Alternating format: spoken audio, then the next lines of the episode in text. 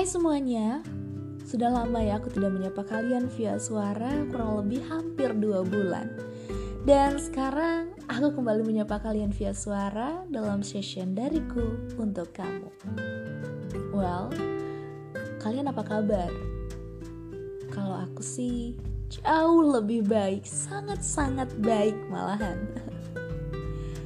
Semoga kalian juga begitu ya Jangan stuck di masa lalu, tapi terus melangkah demi hari-harimu yang jauh lebih membahagiakan.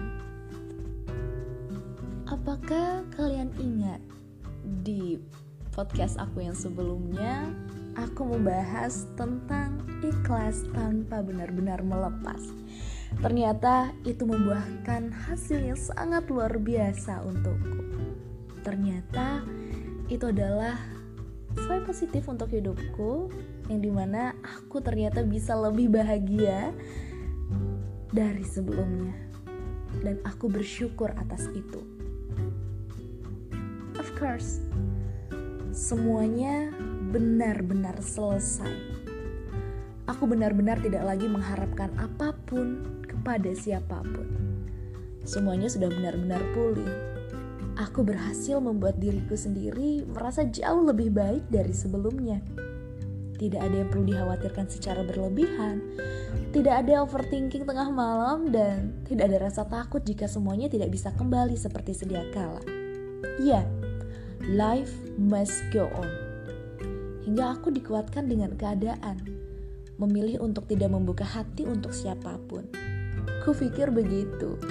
Nyatanya, Entahlah, banyak hal yang aku jadikan sebagai pembelajaran menuju dewasa, menjadikanku lebih berhati-hati dengan perasaanku sendiri.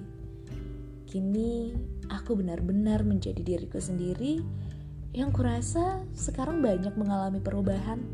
Salah satunya, aku tidak lagi membutuhkannya untuk melengkapi hari-hariku. 18 bukan lagi yang kutunggu-tunggu, bukan lagi hari spesial bagiku, bukan lagi yang selalu aku favoritkan. Iya, biar saja luka dan bahagianya selalu membekas. Kurasa tak perlu untuk dikenang, tapi biarkan saja dia tetap ada tanpa harus diusahakan untuk tidak lagi diingat. Buah dari kesabaran itu benar adanya. Semuanya benar-benar indah, jauh dari apa yang aku harapkan. Seperti yang sering kuucapkan, Tuhan adalah sebaik-baiknya pemberi kejutan. Tak perlu khawatir, semua sudah tersusun dengan rapi sesuai rencananya.